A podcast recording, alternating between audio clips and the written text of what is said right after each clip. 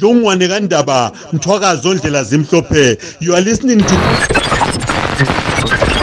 We interrupt this program to bring you. Alo, umadlela lo, nilalile inyazaranda lakobulawayo. Radio Dialogue giving you a voice.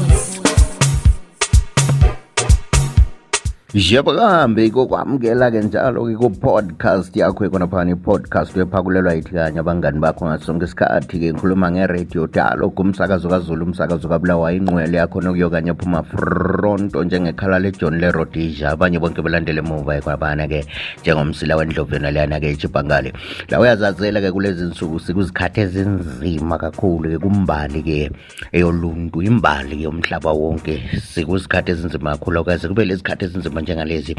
silwisana ke lelinye igciwane elinzima kakhulu ke i-coronavirus ke khonaphana ke kuyiyo ke ebanga ke khonaphana ke i-covid ke 19 ke kungakhohlwa ke lawo khona ngapho ufake imaski ngaso sonke isikhathi ungakhohlwa njalo ukuhlala ke ulesanitizer ke ngaso sonke isikhathi njalo ke ungabothanda ukuba lokuhamba ugcwalagcwala ke eziminyaminyeni eziningi kungadingakali phomi kovakatsha nje ugcwala yonke indawo yikho lapha ke okuba le ngozi lokuthi ucina uthe thatha ke igcwani ke khona ngalo uphathela abanye ngikhake khona ngale kungasenani sikhuluma ke ngodaba lona luyane lokuhamba uyabuhamba ngani ke kufuneka i-transport udaba lolu zakhumbula ukuthi ke sesikhulume ngalo ke kaningi khona phana zakhumbula ukuthi ke sike saxoxa ngalo kamuva khona ngale ke uhulumende sanda ke eh kufake yona leyana ke umthetho wakhe ukuthi akusavunyelwa ke ama-private combis ukuthi ke kachove sekuvunyelwa lawana ke phela abhaliseke ngaphansi ke kukazupco khonapana kulo daba kwalacasula abantu abaningi abantu bathi siyahamba ngani emsebenzini abantwana siyabahambisa ngani ezikolo lokho eliqhubekela phambili kudaba lonolwana ke abantu beke umjova ke basebesithi ke lathi ke asingeke sihlale ngikhaya sibulawe indlala sibelokhe sibukele khona phana ke abantu bethwele nzima bezwele itransport lathi ngapha ke izikhwama ke zingela mali silamba ke ezindlini so sebaqala ke abantu ke laphana bama-private comp ukuzibisela ke endleleni ngenkani bangena khona phana ke kodwa ke udaba lwakhona ke lusuka lubekele ngozi ke ngoba nxa sekugijinyiswana abantu ababa sengozini ke nguzulu abantu ke yibo ke laphana abathwala nzima ke ngoba yibo ababa sengozini zokuthi bangalimala lokulimala ngoba nxa kugijimisana eh kukhona ke enye imota engingaba kiyo akusekho ukuthi izindaba zamanga ke lezi zindaba ezikhona mina nginje ngikhuluma ngami ke kule mota engingathi ngiyigadile kungamalanga amangaki kwafika ke laphana ke emakhetheni laphana ke mhlalokho kukhanya kwakujingile ngoba ngiyambone kwezinye izikhathi kudlulwa lula kutsho ukuthi kuyabe kufunjathisweni kodwa ngazi ke ngalolo suku ukuthi kwakutheni ekufumbathiseni khonaphana abona ke amakhombi ikhombi le ngangiyo yadlula ngenkani kufakwa amakhono nalana okumisa izimoto ukuthi zingadluli makhona amapholisa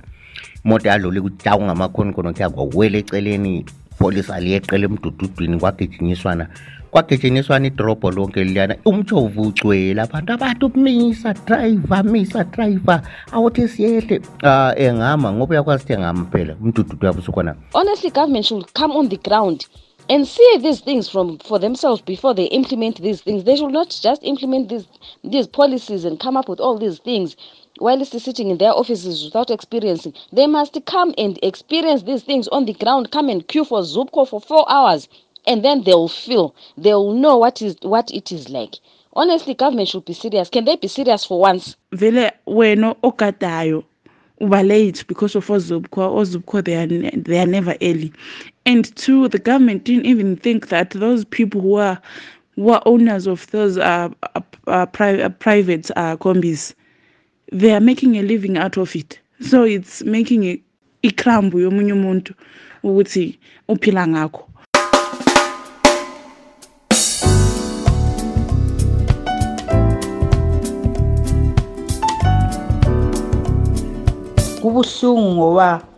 you find ukuthi abantu labo bafuna ukuzincedisa emhlabeni lowo izinto vela akulanto ezihamba right lapha emhlabeni lowo ukuthi kunjalo uthi nxa usithe wazincedisa wadinga okuyikhombi so kuthiwa ungakusebenzisi ngendlela wena ofuna ngakhona wena uzithengele abayekele abantu njengoba bazithengele izimota ukuthi bancedise i-transport bona okwabakhangele ukuthi i-transport khathesi ukuthela imota kuyadura kudura kunjalo wena utholi lutho sokuthiwa thela imoto ihlale ngoba abanye vele abakuthanda ukuthi bebotshele entweni abangayifuni ukuthi kuthiwe kabayejoyina kozukho abayekela abantu kujoyina abafunayo abangafuniyo bengajoyiniswa ngenkani beyekelwe benjalo beziyenzele i-transport as long as belama-permits okuthwala or else bethelelile izimota oh, angiboni uhlupho nabembona ukuthi ngaye bayayekela abantu shuwa ngoba abanye abantu bathola usizo lokuthi banike izimuli zabo ukudla lemali zesikolo ziphuma kwaphaka kutransport uyabo wakhetha wena vele ukuthi ufuna ukusebenza ngetransport pho i-transport leyi isilezinkinga ezingaka kugcine layo sokukuxaka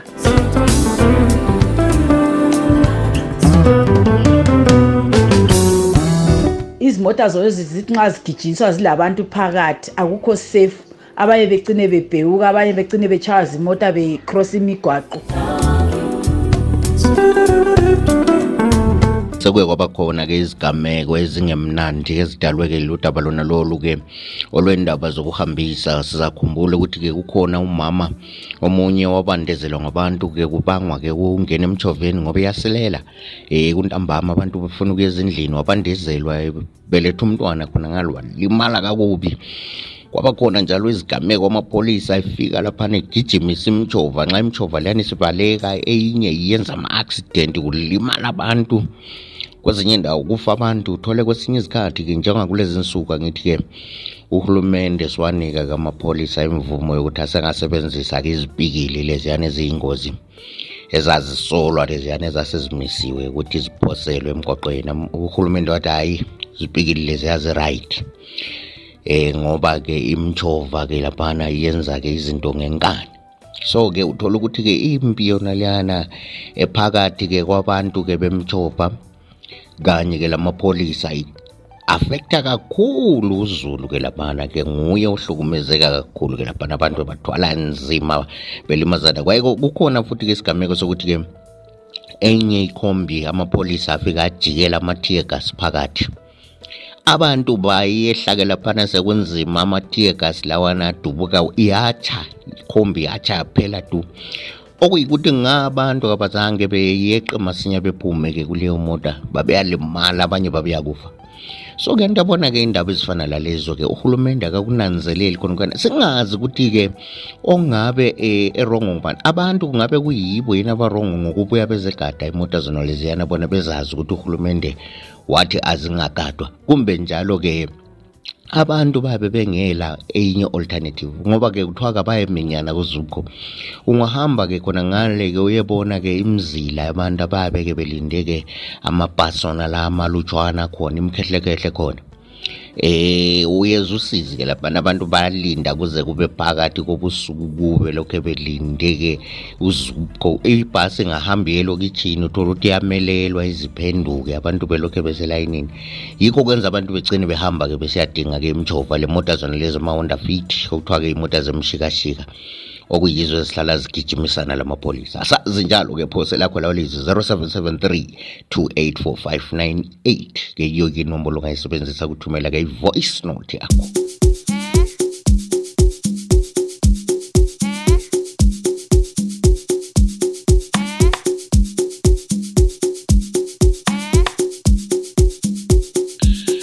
njengoba kahambe ngalokho-ke sesifike kongqengetshe-ke kuhlelo lwakho lwanamhlanje khonaphana-ke ngubonga kakhulu-ke uzinika isikhathi sokuthi ulalele-ke i-podcast yona leyi-ke oyiphakulelwe yithi kanye abangani bakho iradio dalo kumsakazo wakho umsakazo kazulu umsakazo kabulawa ingqwele yakhona okuyo kanye hamba phambili ungakhohlwa ulakho kuhlangana lathi ke bulenjini kutwitter ihandle yethu at radio dalo revived izigwenxa zolimi lunzima phela lolu limi lwabengisi kuze kuthi kufacebook uye khona phana ibizo lekhasi lethu libizwa kuthiwa radio dalo kushothiwa then-ke nxa ufuna ukuhlangana lathi-ke via whatsapp lakho kuthumeza khona phana umqhafazi wakho ku-0773 284598 yikho-ke lapha-ke uthumeza khona-ke le voice note yakho-ke nxa lawe-ke ufuna ukuphosela-ke lakho igalelo khonapha kuzonke ingxoxo eziqhubeka khonapha-ke emsakazweni wakho umsakazo kasulu i-podcast yakho yona leyana kusukusela kimi ke nyasarimbi lakobulawayo ngithi oba safe hlala ufake imask hlala ke usebenzisa ama-sanitizer ngaso sonke isikhathi ke eh wenqabe ke khona phana ke kuthanda ukuvakatsha kuthanda iziminye eminye lani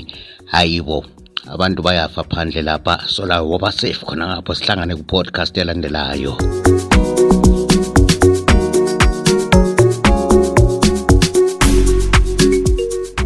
Radio Dialogue giving you a voice.